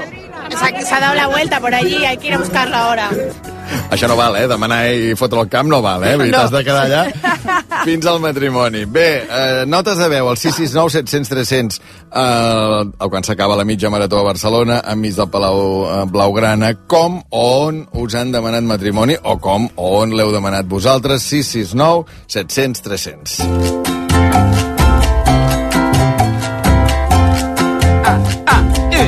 Escolta'm, vaig a fer una cançó barrejada nova. Eh, us ensenyo les, les músiques perquè pugueu ubicar. La música de A l'Alba, de l'Aute. Uf, cançó preciosa. Eh? Potser te la destrosso ara, eh, Albert? Una mica. Pot passar. No sé qué estrellas son estas. Preciosa. Amb la lletra de El show de Xuxa. A veure, escolta. Bueno, És que aquí m'has tocat una mica la fibra, eh?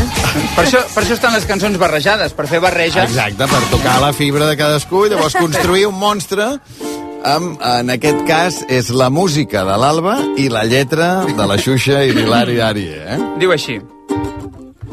Es la hora, es la hora, es la hora de jugar. Brinca, brinca, palma, palma, y danzando sin parar. Un saltito para el frente, y un pasito para atrás. Jugaremos todos juntos, ser feliz no está de más. Este es el show de Shusha y los saluda con amor. Hilari, hilari, oh. hilari, hilari, hilari, oh. Gracias, Barcelona.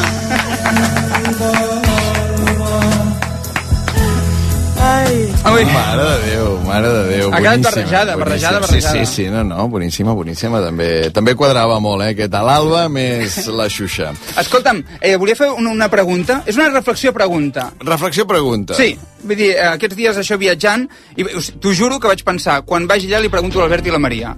Anar amb avió, tornant de Lima amb avió, i un noi darrere meu es treu les sabates. Feia molta pudor. Ah. No li vam dir res una- en 14 hores de vol. Un adolescent o...? Sí, una mica adolescent, ah. que després vaig veure que s'havia tret les sabates i no portava mitjó. Va dir, clar, noi, això ajuda també a suar una mica. Va. Llavors el senyor al meu costat es tapa, es va tapar i diu, ¿le digo algo o no? I jo vaig dir, no sé.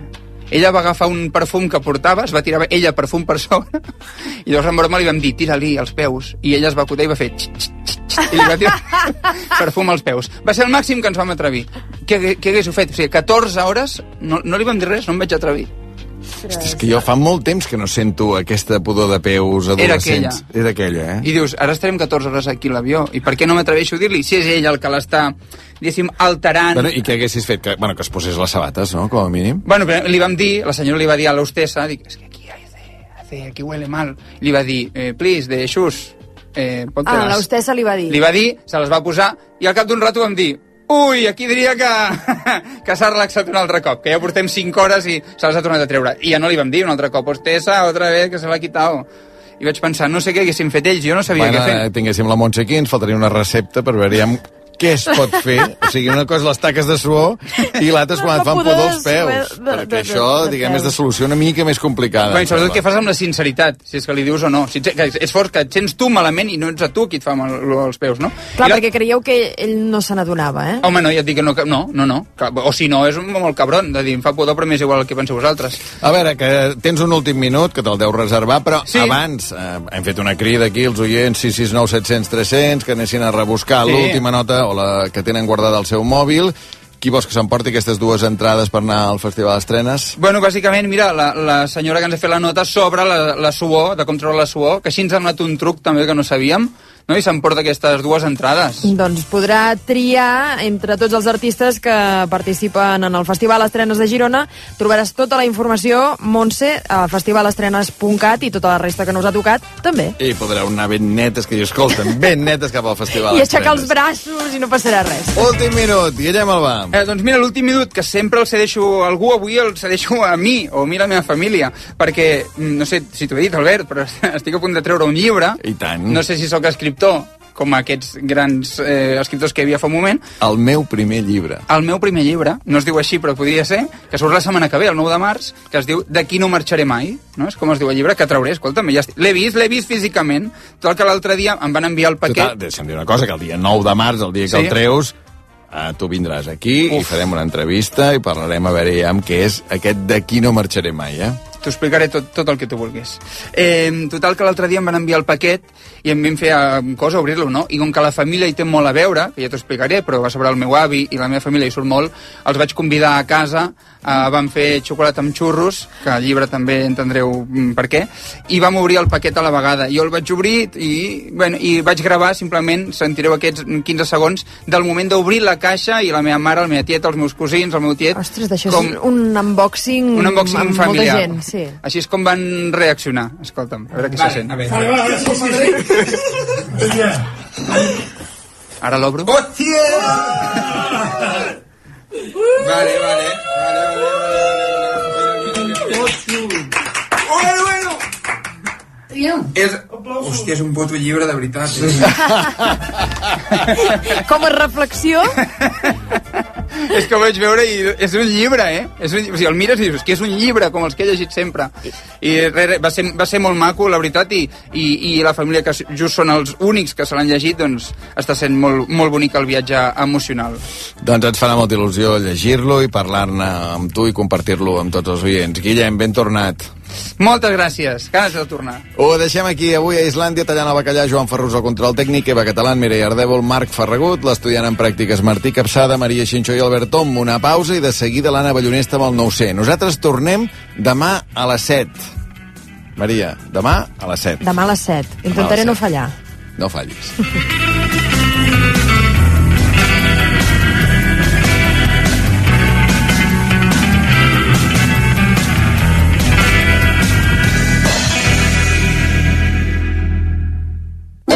supermercat Bon Preu Esclat Online amb la subscripció B-Pass i oblida't dels costos d'entrega. Subscriu-te ara a B-Pass des de només 5,99 euros al mes i comença a estalviar.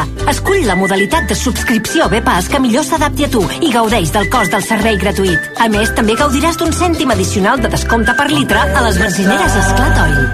Música sense discos. Cotxes sense benzina. Feines sense oficines. Cases sense totxos. Descobreix les cases de nova generació de Preta Porter Cases. Construïdes en només 4 mesos i amb preu tancat. Preta Porter Cases. Destruïm mites. Construïm cases. Necessites un cotxe ara? Difi Girona és un dels centres més importants de vehicles d'ocasió. Trobaràs el teu proper cotxe revisat, cuidat i garantit fins l'últim detall a la nau Difi Girona. Estem a la carretera Nacional 2 a Fornells de la Selva, a la zona dels concessionaris. O bé, entra al nostre web difigirona.com. RAC més 1 presenta... Emili Solsona, jubilat. Somos, somos un equipo de investigación desde Famos allá, con el Laureano, que es, es mi, mi aprendiz. eh, Somos eh, un equipo de investigación policial urbana. I Laureà Lledó, 40 anys i vivint amb els pares. A les 22.03, al carrer Valladolid del barri de Sants de Barcelona, una dona va cridar molt fort.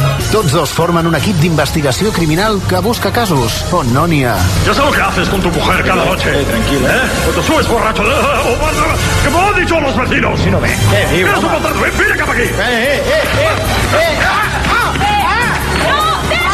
Crits, un podcast que posarà foscor a la llum. Cada setmana un cas a l'app de rac i a rac I divendres la resolució al versió RAC1.